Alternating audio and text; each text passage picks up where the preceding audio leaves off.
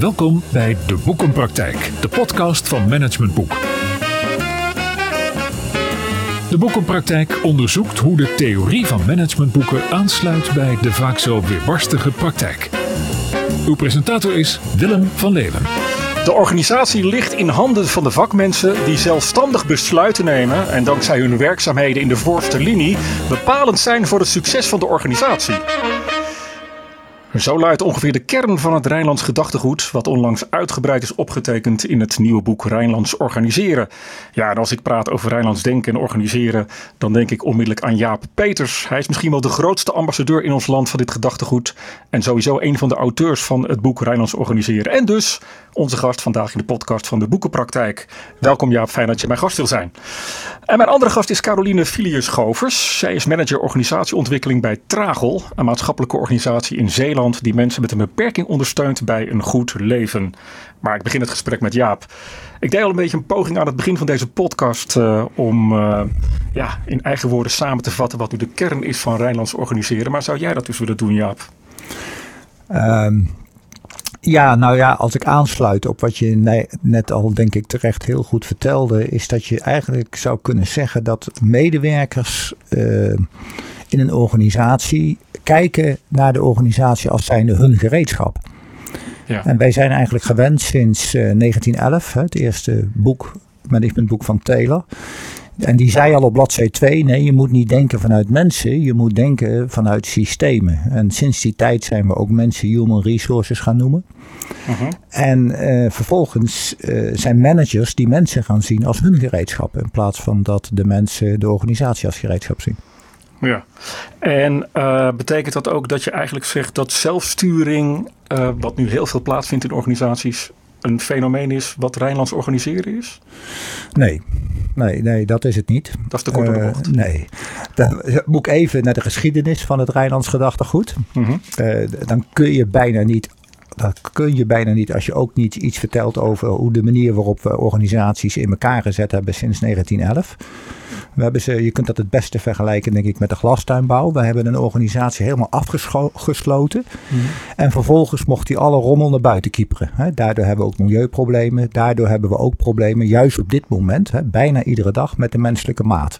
Ja. Omdat die systemen staan zo strak georganiseerd, zijn zo efficiënt, dat ze geen ruimte bieden voor dat wat nodig is. En met systemen bedoel je dan eh, alles wat opgetuigd is om mensen maar te controleren op hun productie? Of? Ja, of gewoon wat je nu steeds hoort ook bij de overheid. Regel is regel. Hè? Uh, een beetje bijna bevel is bevel. Uh, ja, dat men helemaal geen ruimte heeft uh, om interpretaties te doen, om het om het goede te doen. Ja. Als het maar efficiënt is en volgens de regels, dan is het kennelijk goed. Ja, nou hoor ik dat best wel veel. En ik lees het ook best wel veel. Terug naar de menselijke maat. Ja. Tegelijkertijd, maar dat is een beetje mijn suggestieve gedachtegang, heb ik het idee dat het juist helemaal niet zo erg gebeurt. Dus... Nee, dat, dat kost tegen recht. Maar dan kom ik nog even terug op jouw vraag. Waar gaat nou die zelfsturing eigenlijk over? Die gaat niet over, misschien een voorbeeldje, die gaat niet over dat men uh, alles zelf moet doen. De bedoeling van die zelfsturing is dat je de menselijke maat handen en voeten mag geven. Dat je daar mandaat voor hebt en dat je dat ook voelt van je leidinggevenden, leidinggeven met twee woorden, dat dat mag. Hm. Dat die aan jou de leiding geven. En daar, in die zin, praat je over zelfsturing. En dan, en dan kom je in een tomeloze spraakverwarring. Ja. Uh, en dat heeft weer te maken van ja, de betekenisgeving rond het woord zelfsturing. Uh is, uh, ik geef je een voorbeeld van mijn moeder. Mijn moeder die is 93 en die wil ontzettend graag. Daar komt de wijkverpleging over de vloer, in dit geval van Sensieren. En die willen ontzettend graag, uh, wil mijn moeder, dat ze niet door iedereen gedoucht wordt. Dat dat, uh, die wil dat graag steeds door dezelfde hebben. Ja. Nou, dat is dan handig dat die mensen zelf kunnen roosteren. Hè? Als mijn moeder dat fijn vindt, is dat onderdeel van de menselijke maat. En dan kunt dat team van Sensieren kan zelf zo roosteren dat steeds dezelfde wijkverpleegkundige mijn moeder doucht. Dat gebeurt ook. Dus. En dat gebeurt dan ook. Ja. En daar is dat, zeg maar, dat zelfroosteren voor bedoeld. Dat is eigenlijk dus geen organisatiedingetje. Dat is eigenlijk bedoeld om de menselijke maat handen en voeten te kunnen geven. En eigenlijk helemaal afgestemd op de behoeften van, in dit geval je moeder, dus de klant. Ja, de klant. Ja. Dus dat we heel erg, uh, zeg maar, op operationeel niveau, ik zeg het misschien weer wat technisch, vooral heel erg mogen luisteren naar de klant en daar ook bepaalde beslissingen in mogen nemen. Ja, precies. Daar gaat het over. En dat is dan ook aansluitend op uh, jouw inleiding, dan is de voorste linie daar ook het, het, het, meest voor de hand liggend om dat daar te doen natuurlijk. Want die heeft het klantcontact. En die voorste linie, daarmee bedoel je de mensen in de uitvoering? Of? Ja, in de uitvoering, ja. Ja, ja, ja. ja. Kun je nou uh, ook stellen dat dat Rijnlands organiseren een organisatievorm is die ook echt op iedere organisatie past? Of is dat niet zo? Uh, ik denk naarmate die uh, meer op McDonald's lijkt, zal ik maar zeggen, uh, moet je steeds creatiever worden. -huh. Mhm. Maar het beste voorbeeld van Rijnlands binnen een Anglo-Saxische cultuur is denk ik een food court. Ik, ik, neem aan dat we ja. weten wat een food court is. -huh. hè? Mhm. Dat, je, dat je een centraal plek hebt waar iedereen zit. En dan kan iedereen kan dan naar uh, zo'n fastfood lopen en kan daar toch maar zeg maar 100% maatwerk leveren. Ja. En de clue is dan, dat is wel grappig van zo'n foodcourt, dat hebben die, die Amerikaans-achtige organisaties zo ingericht dat ook de klant het zelf moet doen. Kijk, Ja. dan lukt het weer wel. Ja. Anders wordt het ingewikkeld voor ze, zou ik maar zeggen. Ja, ja. Ja. ja. Oké. Nou, eh, we gaan vast, vast nog wel even wat meer daarover horen. Ik, ik wil je eerst even drie stellingen voorleggen, Jaap. En eh, de vraag aan jou is om, om alleen even met eens of oneens te antwoorden. Stelling 1. In ons kapitalistische systeem zal altijd de aandeelhouderswaarde regeren, wat Rijnlands organiseren per definitie onmogelijk maakt. Oneens. Stelling 2. Een zelfsturende medewerker gaat vroeg of laat voor eigen gewin en verliest dus het totaalbelang van de organisatie uit het oog. Oneens. En de derde, niet alleen organisaties, maar juist onze overheid verdient meer Rijnlands organiseren. Zeker weten. Ja, eens. Bij dat laatste. ehm, ja, we zitten natuurlijk vol in de actualiteit. Toen ik net hier naartoe reed, toen ging het weer over de Raad van State. Die zei, we proberen nu het vertrouwen tussen burger en overheid te herstellen. Gegeven de coronacrisis en gegeven de toeslagenaffaire. Toch misschien weer even die toeslagenaffaire. Is dat nou ook iets wat tot stand komt omdat we het te anglo-saxisch hebben ingericht? Kan je dat zo zeggen? Ook eens, ja, zeker. Uh, ik denk overigens dat um, ik toch nog wel een, ja, ik zou ook zeggen, een soort pleidooi zou willen houden dat er, uh, wij hebben voor ambtenaren geen beroepsopleiding. Mm -hmm.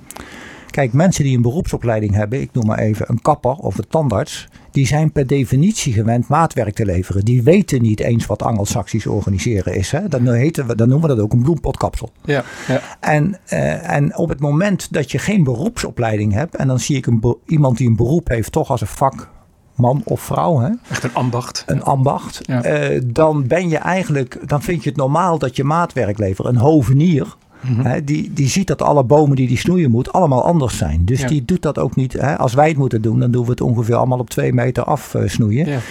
Maar en, en, en, en ik denk dat het hoog tijd wordt als we dit op willen lossen, serieus willen oplossen, dat er een beroepsopleiding moet komen op MBO en HBO niveau.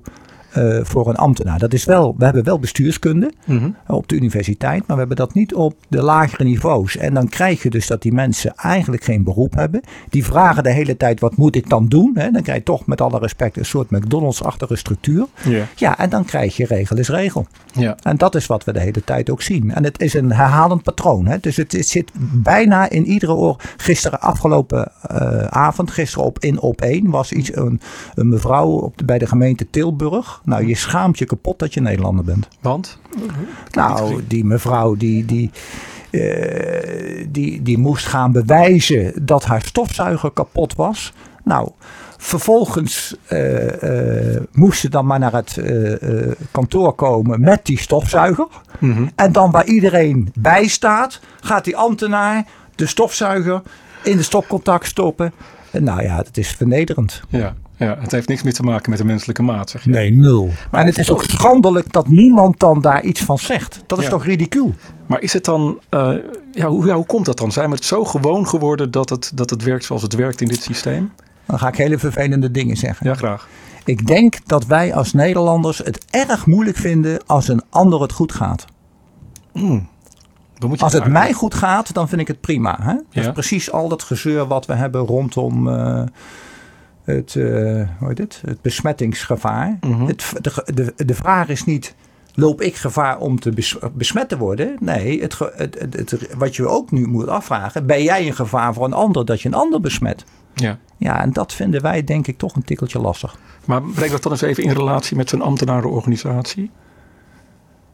Hoe bedoel um, je dat dan? Nou, die, die ambtenaar kan natuurlijk ook gewoon kijken. Ik, als ik, ik woon zelf in de gemeente Alphen aan de Rijn. Ja. Ik kom best wel veel in het gemeentehuis om allerlei redenen.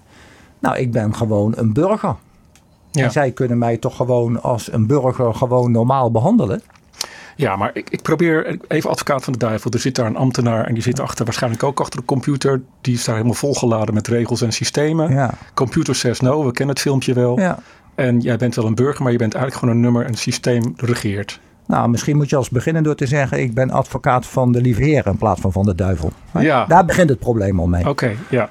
Dus waarom zou jij de advocaat van de duivel moeten zijn? Ja, Waarom kunnen we niet gewoon in redelijk overleg even bepalen wat er aan de hand is? Maar misschien is dat wel typisch het Anglo-Saxisch. ja, Hè? Om de advocaat van de duivel te willen zijn. ja. Mooi. mooi. Ja. ja. Ik, ik- als, ik, als ik jou zo weer hoor praten, dan, dan die, is die voorliefde voor het Rijnlands denken bijna aangeboren bij jou. Wat, wat, wat is die drive die daaronder zit? Kan je daar iets meer over zeggen als persoon? Ehm, dan word ik bijna emotioneel. Ehm, mijn vader die heeft altijd gewerkt bij een Joods bedrijf. Mhm. En die Joden die zijn gevlucht. In Ja. eh, 1940. Ja. En die hebben het overleefd. En die zijn teruggekomen. En die hebben altijd opengestaan voor andere vluchtelingen. Ja, Als ik nu kijk hoe wij met Lesbos omgaan, met die 500 kinderen. ja, Godsgeklaagd. ja, ja, Godsgeklaagd. ja. En ik denk omdat wij dat hier met elkaar die cultuur hebben eh, gecreëerd op deze manier. Dat we een ander niet meer willen helpen. En dat dat in die ambtenaren ook geslagen is met regels is regels. Ja. Want het is ook met 10.000 paspoorten. Het is, het is eh, met die vrouw in Tilburg. Het zit gewoon zo langzamerhand in onze genen. Ja. En dat is er in 40 jaar zo ingegroeid. ja. Door de PvdA, door de CDA. Hè, want dat zijn nog de partijen geweest. Niet eens de rechtse mensen. Nee, de christelijke mensen en de linkse. Die hebben het voor een belangrijke mate op hun geweten. En waarschijnlijk allemaal onbewust bekwaam. Ja, ja. En, en ehm, is dat dan het, het feit dat we niet meer gewoon vanuit die menselijke maat hulpvaardig durven te zijn? ehm, is dat omdat we ons niet meer kwetsbaar. Heb je daar een verklaring voor? Kunnen we ons niet meer kwetsbaar opstellen? Of, of, of is, dat, is het niet? Nou ja, als je het naar het neoliberale vertaalt, is het natuurlijk ik eerst. Ja, en en, en eh, ik regel mijn eigen zaakjes wel. En ik heb geen overheid nodig. Nou, we zien natuurlijk continu. We hebben het, dacht ik even uit mijn hoofd, 6 januari gezien. Hè, de, de aanval op het kapitool, om het maar zo te Ja. zeggen. Er zit on- in de samenleving, en dat is wel weer. Dat is wel ook heel Rijnlands. In de, in de geschiedenis van de mensheid is de overheid sowieso niet gericht op eh, de burger. Hè? Kijk wat er met de Oeigoeren gebeurt. Kijk wat er in allerlei landen gebeurt. Kijk wat er in de Oekraïne gebeurt. De overheid is altijd de grootste vijand geweest van de eigen burgers. ja, En toen hebben we in 1947 bedacht, na het fascisme, hè, want eh, ook de concentratiekampen, dat was nog helemaal het toppunt. Hè, Mhm. van, eh, en toen hebben we na in 17 in 1947 bedacht, nu moeten wij een staat hebben die zijn burgers gaat beschermen. ja. Dit is ook het verhaal van Pieter en Renske. Hm. Nou, en dat doet die staat niet. Nee. En terecht is denk ik daarom ook Rutte 3 afgetreden. Maar ik denk nog steeds dat we niet zo goed in de gaten gehad hebben waarom, die is, waarom eigenlijk het terecht is dat het afgetreden is. Mhm. Hè? Want dan ga je natuurlijk niet met alle respect massaal weer op Rutte stemmen. Ik vind het een aardige man hoor, daar gaat het niet over. En het is ook allemaal onbewust gebeurd en allemaal met, tot op zeker ook met de beste bedoelingen. Ja. Maar ja, ik denk toch dat we niet goed in de gaten hebben dat een staat er is om zijn eigen burgers te beschermen en niet aan te vallen. Ja. En dat is wat er steeds gebeurt. Ja. Even van die staat weg en even naar eh, de bedrijven. Ik had het ook even in een van de Nee, maar jij vra- jouw vraag was hoe Rijnlands is onze staat. Ja, ja, Ja. ja. ja, Ja. Ehm, maar ik wil ook even naar die aandeelhouderswaarde, eh, die, eh, waarvan jij zei, nou, op, op, op mijn stelling in ons kapitalistisch systeem zal altijd aandeelswaarde, aandeelhouderswaarde regeren, wat Rijnlands organiseren per definitie onmogelijk maakt. Je zei oneens. Zijn er voorbeelden van, van commerciële bedrijven te noemen die typisch Rijnlands op dit moment georganiseerd zijn? Kun je daar iets over zeggen? Nou, ik denk dat heel veel organisaties eh, eh, die, eh, nou ja, in het boek heb ik er een aantal voorbeelden natuurlijk genoemd. Hè. Een, een, heel grappig voorbeeld vind ik kinky kappers. Ja. Vind ik een heel mooi voorbeeld. Maar bij een kapper zou je zeggen, is het nog heel natuurlijk dat je de, de klant als uitgangspunt kiest. Maar het, het, een van de mooiste voorbeelden vind ik, achterin het boek staat dat staat het bedrijf Renza uit uh, Didam. Mm -hmm. dat is een groothandel. Mm -hmm. En die kiest heel nadrukkelijk als groothandel de bouwlocatie als uitgangspunt. Ja.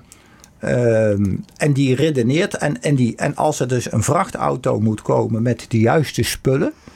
Uh, dan komen ook, als het moet, de spullen van de concurrent mee. Dat er niet een heleboel vrachtauto's bij die klant voor de deur staan. Dat er minder milieuverontreiniging is. Dat er minder files zijn. Ja. Maar ook dat een chauffeur mandaat heeft, als die bij een klant komt, om eens even te zeggen: joh, dit kan toch veel slimmer als we een paar dingen gezamenlijk doen. Ja. He, dus degene die in de, wat wij tegenwoordig de leefwereld noemt, de chauffeur. Zij kunnen zich bijvoorbeeld ook niet goed voorstellen dat we dan chauffeurs uitbesteden aan een ander bedrijf. Ja. Want die denkt niet op die manier. Die denkt dat hij er alleen maar is om te rijden, bij wijze van spreken. Ja, ja. onderschat chauffeurs niet overigens. Maar, ja. hè, maar dat, dat is denk ik een mooi voorbeeld. Dus dan gaat het, de, de menselijke maat gaat in dit geval gewoon over menselijk maatwerk. Hm. Waardoor ze met elkaar ook minder werk hebben. En dat er uh, ja. letterlijk in dit geval ook efficiënter gewerkt kan worden. Ja. Ook dat voorbeeld van die kinkykappers, wat je inderdaad uitlegt in het boek. Uh, wat ik daar zo mooi aan vind, is dat je bijna letterlijk even meegenomen wordt in, in, in de gedachtegang van die ondernemer. Hè, die een aantal van die kapperszaken is begonnen. Ja. En die zegt op een gegeven moment ook even vrij vertaald van nou, ik heb best even moeten balanceren, uh, zeg maar, tussen vrijheid geven aan mijn mensen. En dus, en dus uh, zeg maar echt de menselijke maat. Versus ja, de controle drang, dwang, zeg maar. Ja. Die ik als ondernemer heb. Want doen ze dan wel uiteindelijk wat mijn droom is, zeg maar. Ja. Um, is dat misschien ook een van de hiccups waardoor we dat Rijnlands denken soms zo moeilijk vinden dat we, dat we niet zo goed om kunnen gaan in ons hoofd misschien met, met vrijheid van mensen? Dat zou, uh, ja, ik denk wel een goede vraag is, uh, Willem. Ja, ja, ik denk dat uh, je waarschijnlijk, en dat is bij Michel Goelmans is dat zo, hè, die, uh, die, de eigenaar van die acht uh, mm -hmm. kinky kapperszaken. Um, ja, die moest kennelijk even ervaren dat als hij meer vrijheid gaf, dat het daardoor beter ging. Ja. En hoe dichter die er bovenop zat, hoe minder, zeg maar, um, uh,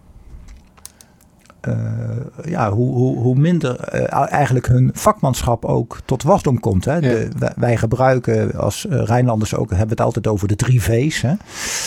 Uh, vakmanschap, nou dat is natuurlijk bij Kinky Kappers volop aanwezig. Ze hebben zelfs een eigen academie nog, hè, om mensen nog bij te scholen nadat ze al de kapperschool gedaan hebben. Mm -hmm. um, uh, verbinding. Hè? Verbinding in, in normaal Nederlands betekent eigenlijk, uh, jij doet er voor mij toe. Hè? Om nog maar even dat voorbeeld van gisteravond uh, bij opeen te pakken. Die vrouw ja. deed er ken ik ook niet toe met die stofzuiger. Die verbinding. En dan moet je inderdaad het vertrouwen hebben.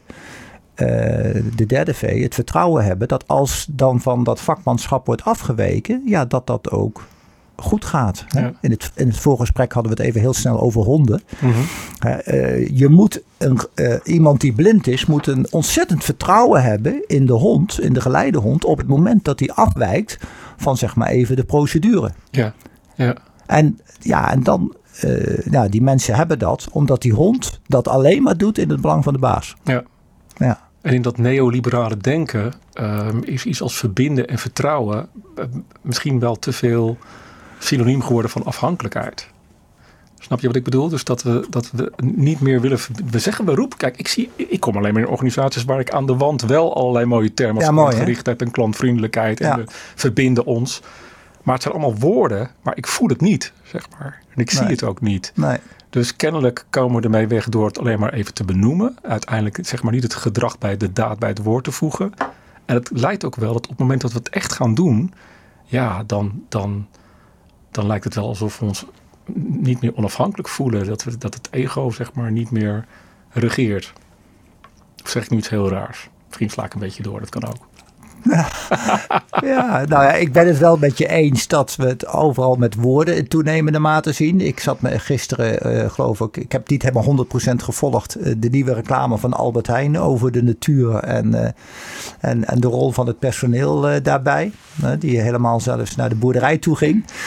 Uh, dus uh, ja, dus zeg maar in woorden. Maar misschien moeten we wel met woorden beginnen. Ja. Uh, en, en dan, uh, als we daar eenmaal mee bezig zijn, uh, als we maar vaak genoeg de menselijke maat noemen of duurzaam of weet ik veel wat, ja, dat er dan toch uiteindelijk wel iets doordringt. We kennen nu ook het woord vliegschaamte. Ja. dat kenden we eerst ook niet. En inmiddels ken ik toch wel een aantal mensen die toch wel denken: ja, ik weet niet of ik straks nog weer ja. Uh, zo ver ga vliegen als dat we tot dusver gedaan hebben. Elektrische auto's is natuurlijk ook een voorbeeld. Ja, ja. ja dus ik, ja, het begint met woorden, denk ik toch wel. Ja. We gaan ook Caroline er even bij halen, want die zit al een heel tijdje te luisteren en een beetje te knikken. En nou ja, wat vind je tot dusver van het gesprek eigenlijk? Eh, zijn er dingen waarvan je zegt, daar wil ik ook wel iets over zeggen? Bij woorden in de zorg herken ik dat ook. Uh, in de zorg wordt natuurlijk heel veel. Het is bijna mantra en dat is cliënt centraal. dat, dat, dat hoor je en dat zie je en dat lees je overal. Mm -hmm. Terwijl ik mijn eigen organisatie wil ik zeggen, dat zou eigenlijk een no-brainer moeten zijn. Hè? Dat zou eigenlijk zo vanzelfsprekend moeten zijn dat je dat niet meer zo vaak uh, hoeft te zeggen. Ja. En we moeten het zeggen omdat de manier van organiseren ook bijna verplicht stelt dat je daar toch vaak weer bij bepaald wordt. Dat het om die cliënt gaat. Wat ik wel eens denk, hè? jij bent manager organisatieontwikkeling bij Tragel in Zeeland, een organisatie in de gehandicaptenzorg. Um, als we het misschien organiseren gaan noemen, betekent dat al niet dat het niet vanzelfsprekend gaat? En gaan we het dan al niet min of meer opleggen of zo? Ik bedoel, wat doet een manager organisatieontwikkeling eigenlijk? Uh, bij ons in dit geval uh, kijken of Rijnlands manier van organiseren een antwoord is op aan de ene kant de vraag van medewerkers uh, naar nabijheid. Mm Die willen echt nabijheid van, zoals het nu vaak vertaald wordt, van een leidinggevende. Mm Maar nabijheid kan natuurlijk ook door anderen geboden worden. En aan de andere kant leidinggevenden die echt eh, een enorme werkdruk ervaren. En zeggen van ja, ik zou wel willen, maar... Ik, ik zou wat wel willen? Ik zou die nabijheid wel willen geven, maar dat laat mijn uh, takenpakket niet toe. Interessant, waarom niet? Vanuit welke gedachtegang laat dat takenpakket van een leidinggevende dat niet toe? Ja, dat heeft ook met bureaucratie te maken. Hè. Dus uh, heel veel uh, met systemen moeten werken, uh, vinkjes moeten zetten op facturen, op ziekmeldingen, op alles wat systemen vragen. Maar dan gaan we daar dus mee stoppen, zeg maar. Dat zou natuurlijk heel mooi zijn. Ja, dat, maar zou dat ook kunnen? Of zeg je dan, dan, dan, dan zakt het als een kaartaars in elkaar als we de vinkjes niet meer gaan zetten? Nee, ik vind het wel mooi. Ik sprak uh, een van mijn collega's uh, eerder deze week en die waren bezig met een nieuw kwaliteitsmanagement systeem. Ehm, en daarmee moet je natuurlijk echt ook voldoen aan wettelijke normeringen om het oké te krijgen. Mhm. Ehm, en kun je dan zo'n kwaliteitsmanagement systeem ook op een Rijnlandse manier invulling geven? Ja. En dat kan. Hm. maar dat kan vooral omdat je um, uh, afstapt van, nou, staan alle vinkjes goed en staan alle palletjes recht, um, naar, maakt niet uit wie ik spreek in de organisatie, of het nou een schoonmaker is, of een receptionist, of een zorgverlener, of een manager. In al die gesprekken ervaar ik dat die kwaliteit van zorg goed is en dat er een bepaalde bewustwording is van eigen grenzen, eigen handelen en eigen verantwoordelijkheden. Mm. Nu staan jullie, uh, heb ik begrepen, een beetje aan de vooravond hè, van het Rijnlands organiseren. Toch? Enorm, ja. ja. Uh, nou, welke, welke casus of welke vraag heb je in, in dat opzicht aan Jaap? Ja, we staan aan de vooravond omdat we uh, vanuit dat dilemma wat ik net schetste, ook echt iets anders uh, moeten doen zonder dat het echt anders is. Waarbij we zeggen van Rijnlands doen we echt al. Uh, want met name zorg en ik denk ook onderwijs, daar ligt dat heel dichtbij. Omdat je zo, hè, het woord menselijke maat viel net al. Het gaat alleen maar over mensen, het gaat alleen maar over zorgverlening. Dus ook bij ons um, wordt er heel veel maatwerk geleverd. Ook in de ondersteunende diensten. Want mensen werken niet bewust of niet voor niks in de zorg. Ze hadden ook bij een andere organisatie kunnen werken. Dus het, de betrokkenheid bij die cliënt en de wens om die cliënt een goed leven te gunnen en te geven die is alom uh, aanwezig. Um, um, alleen, wij zitten in een krimpregio. Zeeuws-Vlaanderen is een, uh, is een regio. Nou, dat behoeft verder geen betoog meer. Dat is bekend als een krimpregio. Dus je wilt een aantrekkelijk werkgever zijn. Uh, je wilt dat het verzuim lager wordt. Dat is best hoog bij ons. Nu rond de 8%. En je wilt dat het verloop teruggedrongen wordt. En het geloof en het vertrouwen is dat op het moment dat wij meer autonomie geven aan die goed getrainde, goed opgeleide medewerker, dat die dus ook um, veel blijer. Uh, Jaap, jij zei wel eens wel blijer, of wel gelukkiger, maar niet per se altijd blijer. Maar dan toch gelukkiger is een dieper gevoel, dus daar gaan we dan voor. Uh, hun werk kunnen, kunnen verrichten. Um, we hebben net uh, twee weken geleden de drie um, Rijnlandse inspiratiebijeenkomsten gehad om de organisatie bekend te maken met Rijnlands. We hebben in december met de managers. Um, Even to the point, want anders gaat het iets te lang, denk ik. Um, uh, en hoe zouden we nou die doorstart kunnen maken waarbij zo snel mogelijk een soort quick win ook behaald kan worden, zodat de organisatie ook meer outgoing gaat worden en het ook meer gaat omarmen. Een quick win bedoel je in het, in, in, in het Rijnlands organiseren? Of? Ja, dat, het een, dat, het, dat mensen gaan zien: oh, is dit wat je bedoelt? Oh, weet je, dit is gaaf. Dit wat, zou, is... wat zou een uh, betekenisvolle eerste stap kunnen zijn? Is dat wat je zegt? Wat, wat... Ja, wat zou een, de, de, en met name dan voor de medewerkers op de vloer. Hè? Uh, maar misschien zowel in de zorgteams, maar misschien ook wel bij een, een, een afdeling binnen de ondersteuning. Hm. Ja. Nou ja, wat je. Uh, ik zei net even, als de, de medewerkers in de voorste linie, hè, zou het mooi zijn als die inderdaad in één keer die slag gaan maken van hé, hey, de organisatie is mijn gereedschap. Wat ik, uh, je, je, zei net terecht van ja, er wordt heel veel gevinkt en gedaan en uh, weet ik veel wat meer. Nou ja, waarom zit dat niet in een appje? Waarom zorgt zo'n ondersteunende dienst er niet voor dat dat allemaal niet zoveel heisa is? Dat je alleen maar even een afloop, hup, hup, hup, klaar hè, uh, hebt. Want het zijn toch uiteindelijk allemaal min of meer, ondanks het maatwerk, toch maar twintig standaard dingetjes die je de hele tijd doet. Ja. En, en, en, en dat mensen zich aan de voorkant zeg maar, geholpen voelen door de ondersteunende diensten. Daarom heten ze ook ondersteunende diensten. Mm -hmm. En dat ze niet het gevoel hebben dat ze in de weg gezeten wordt. Nou, ik denk, ja, als je dat gevoel kunt geven, goh, wij dragen, dan draagt de ondersteunende dienst ook duidelijker bij aan de missie, zal ik maar zeggen. De collectieve ambitie noemen we dat als Rijnlanders. En dat de voorkant denkt, hé, hey, nu kan ik veel meer tijd besteden aan, uh, uh, aan de cliënt. Ja. En nou ja, Carolien zei net ook uh, terecht. Uh, we hebben al wel eens wat evaluaties gedaan. En dan zie je meestal dat het ziekteverzuim uh, terugloopt als er meer autonomie is. Omdat ze hun werk op een betere manier kunnen doen. Maar toch zeggen ze dan vaak. Wel eens, ik vond het wel een mooie grapje eigenlijk. Ik, ik ben wel gelukkiger, maar niet blijer. Hmm. Hè, waarmee ze bedoelde, door die autonomie ben ik wel gelukkiger en heb ik meer werkgeluk. Hè, ook zo'n modern woord tegenwoordig. Ja. Maar omdat ik met meer factoren rekening moet houden en er niet meer voor mij besloten wordt, ja, moet ik dat zelf nu doen en daar word ik er niet altijd blij van. Nee, nee. Ja, en ik denk dat dat ook zo is. Ja. Je, je verantwoordelijkheid wordt vaak groter. Ja, ja. ja zeker. Ja, ja. En uh, uh, ik hoor Jaap zeggen, Carolien, van nou, uh, kijk eens of je het simpeler kunt organiseren. Zo vertaal ik het even als het gaat om dat hele, hele gedoe met die vinkjes zetten. Die administratieve romslomp. Mm. en misschien, even mijn opvatting, misschien moet je dat juist wel bij die leidinggevende neerleggen. Zodat die medewerker gewoon zeg maar, zich volledig over die patiënten, als ik het zo mag zeggen, of over die cliënten moet ik zeggen, kan ontfermen. Als je dat eens even plot op, op tragel, is dat dan mogelijk? Of... Nou, er moeten best veel vinkjes gezet worden. Dat zijn er denk ik toch meer dan twintig. Um, en die zitten natuurlijk op allerlei soorten niveaus. Maar ik, ik begrijp wel hè, dat je zegt van als je het digitaal werken, dat is in de zorg. Nou, door de corona is dat wel, heeft dat wel een, een versnelling doorgemaakt. Um, maar echt digitaliseren op de feitelijke zorgvloer is natuurlijk nog niet zo ingeburgerd.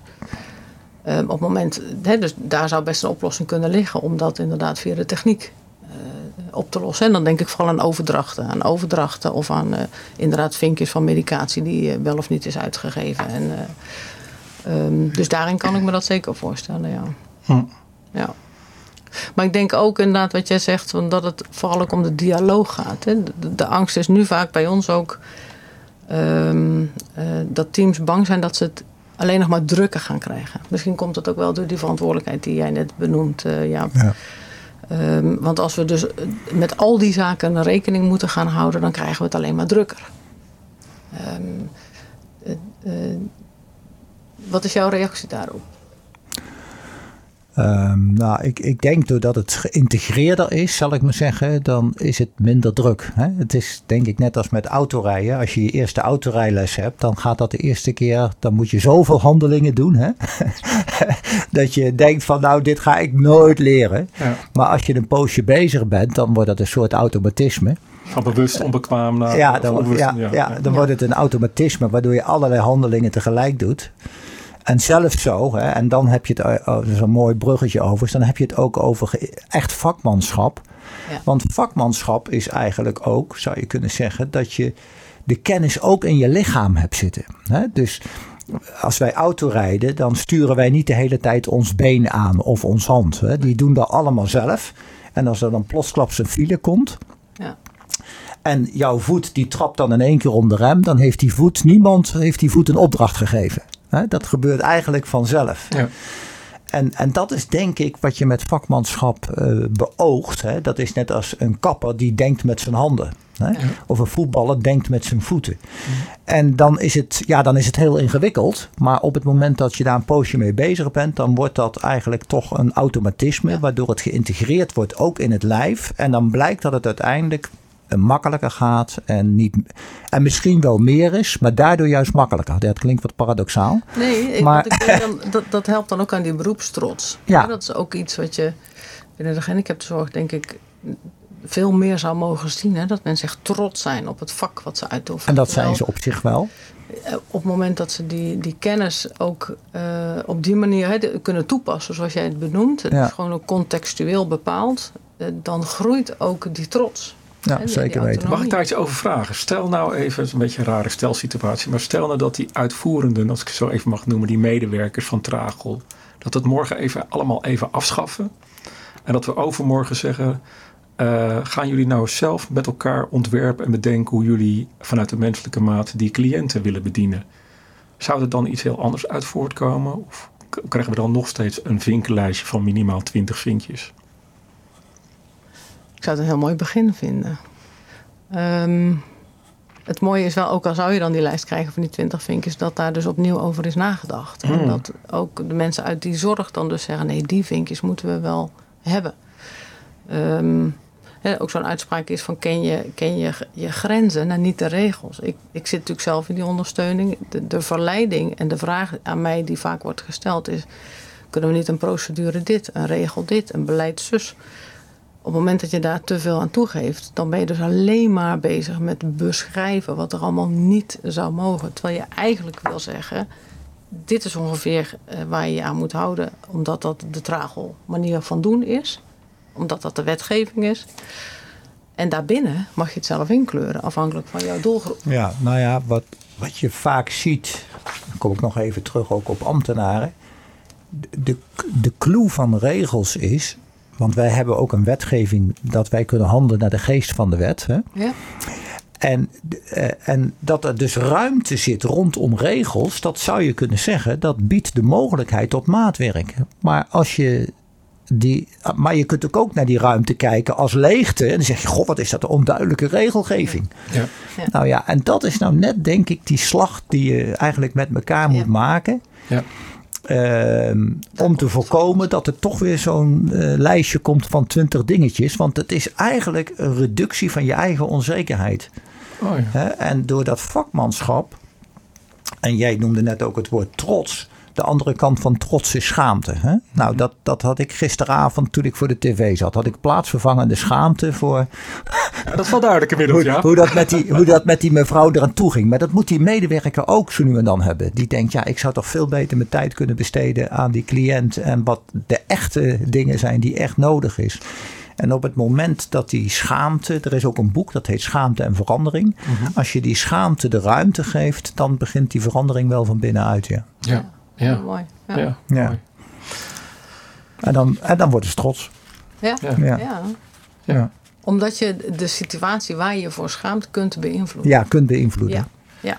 Nou rij je zo meteen, uh, wat is het, uh, anderhalf uur zei je, terug in nee, de auto? Hoor, een uurtje. Oh, een uurtje. Oké, dat valt mee. Einde minuut, hè? Ja. Um, en als je dan even terugdenkt aan dit gesprek, Carly, ik ben toch even nieuwsgierig. Wat, uh, wat, wat blijft er dan hangen waarvan je zegt, hey, daar kunnen wij misschien binnen Tragel al iets mee doen vanuit het Rijnlands organiseren? Heb je dan iets te pakken? Nou, ik had net, uh, Jaap die, die had net een, een zin ergens aan het begin. Uh, zelfsturing aan zich is natuurlijk niet heilig. Het, het is niet een. Um, um, nou, het, het, nee, het is niet heilig. Wat jij zei is dat je. Het doel van zelfsturing is zodat je die menselijke maat kunt toepassen. En dat maakt dan ook meteen die brug naar die schaamte. Want er zijn echt wel medewerkers. Uh, ik heb inmiddels in, in meerdere organisaties ook, ook uh, gewerkt in de gehandicaptenzorg. Um, um, die inderdaad zeggen: Ik zou het zo graag anders, ik kom zo tekort. Ik zou zo graag iets meer voor die cliënt willen kunnen doen. En als die zelfsturing ertoe kan leiden dat je die menselijke maat kan toepassen op jouw cliënt die je iedere dag treft, ja, dan is, dan is dat het. dan ja. neem ik dat mee. Ja. Wat bij mij nog een beetje blijft hangen, dankjewel. Ja, eerst die beroepsopleiding voor ambtenaren, zo claim ik het maar even. uh, hoe gaat die er komen?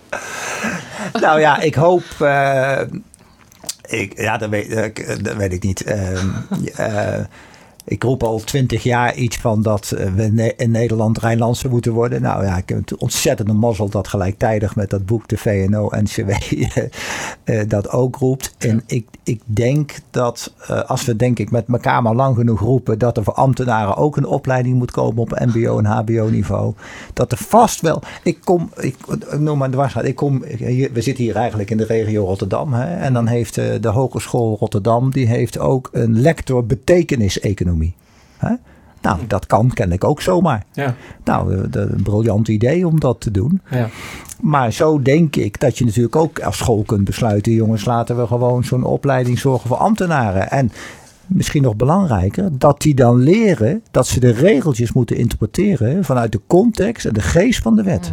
Mm. En daar hebben we genoeg hoogleraren voor, Doreen Pessers, om daar gastcolleges over te geven. Hoe het eigenlijk bedoeld is, hoe wij Nederland ingericht hebben. Ja. En dan zijn we ook, als we dat doen, zijn we echt een gaaf land. Kijk, nou daar wil ik graag mee afsluiten. Dankjewel uh, Jaap en Carolien. Ik wil jullie heel hartelijk bedanken voor jullie uh, inspirerende deelname en inbreng aan deze podcast. Want we hebben weer iets meer geleerd over het Rijnlands organiseren. En vooral terug naar de bedoeling en de menselijke maat. Ik verwijs jou als luisteraar van deze podcast heel graag nog even naar de volgende aflevering. Die over twee weken weer op alle grote podcastkanalen te vinden zal zijn. Ook daarin spreken we weer met een auteur over zijn of haar opmerkelijk recent verschenen managementboek. En plotten we de strekking van dit boek op een actuele casus uit de praktijk. Rest mij je hartelijk te danken voor het beluisteren van deze podcast. Vragen, opmerkingen of suggesties zijn van harte welkom. Doe het even via de mail naar info.managementboek.nl Tot zover de praktijk van boeken. Kijk voor meer afleveringen of een abonnement op de boekenpraktijk op managementboek.nl/slash podcast. Je vindt ons ook op Spotify, Apple Podcast, Google Podcast en Soundcloud. Hartelijk dank voor het luisteren en graag tot de volgende podcast.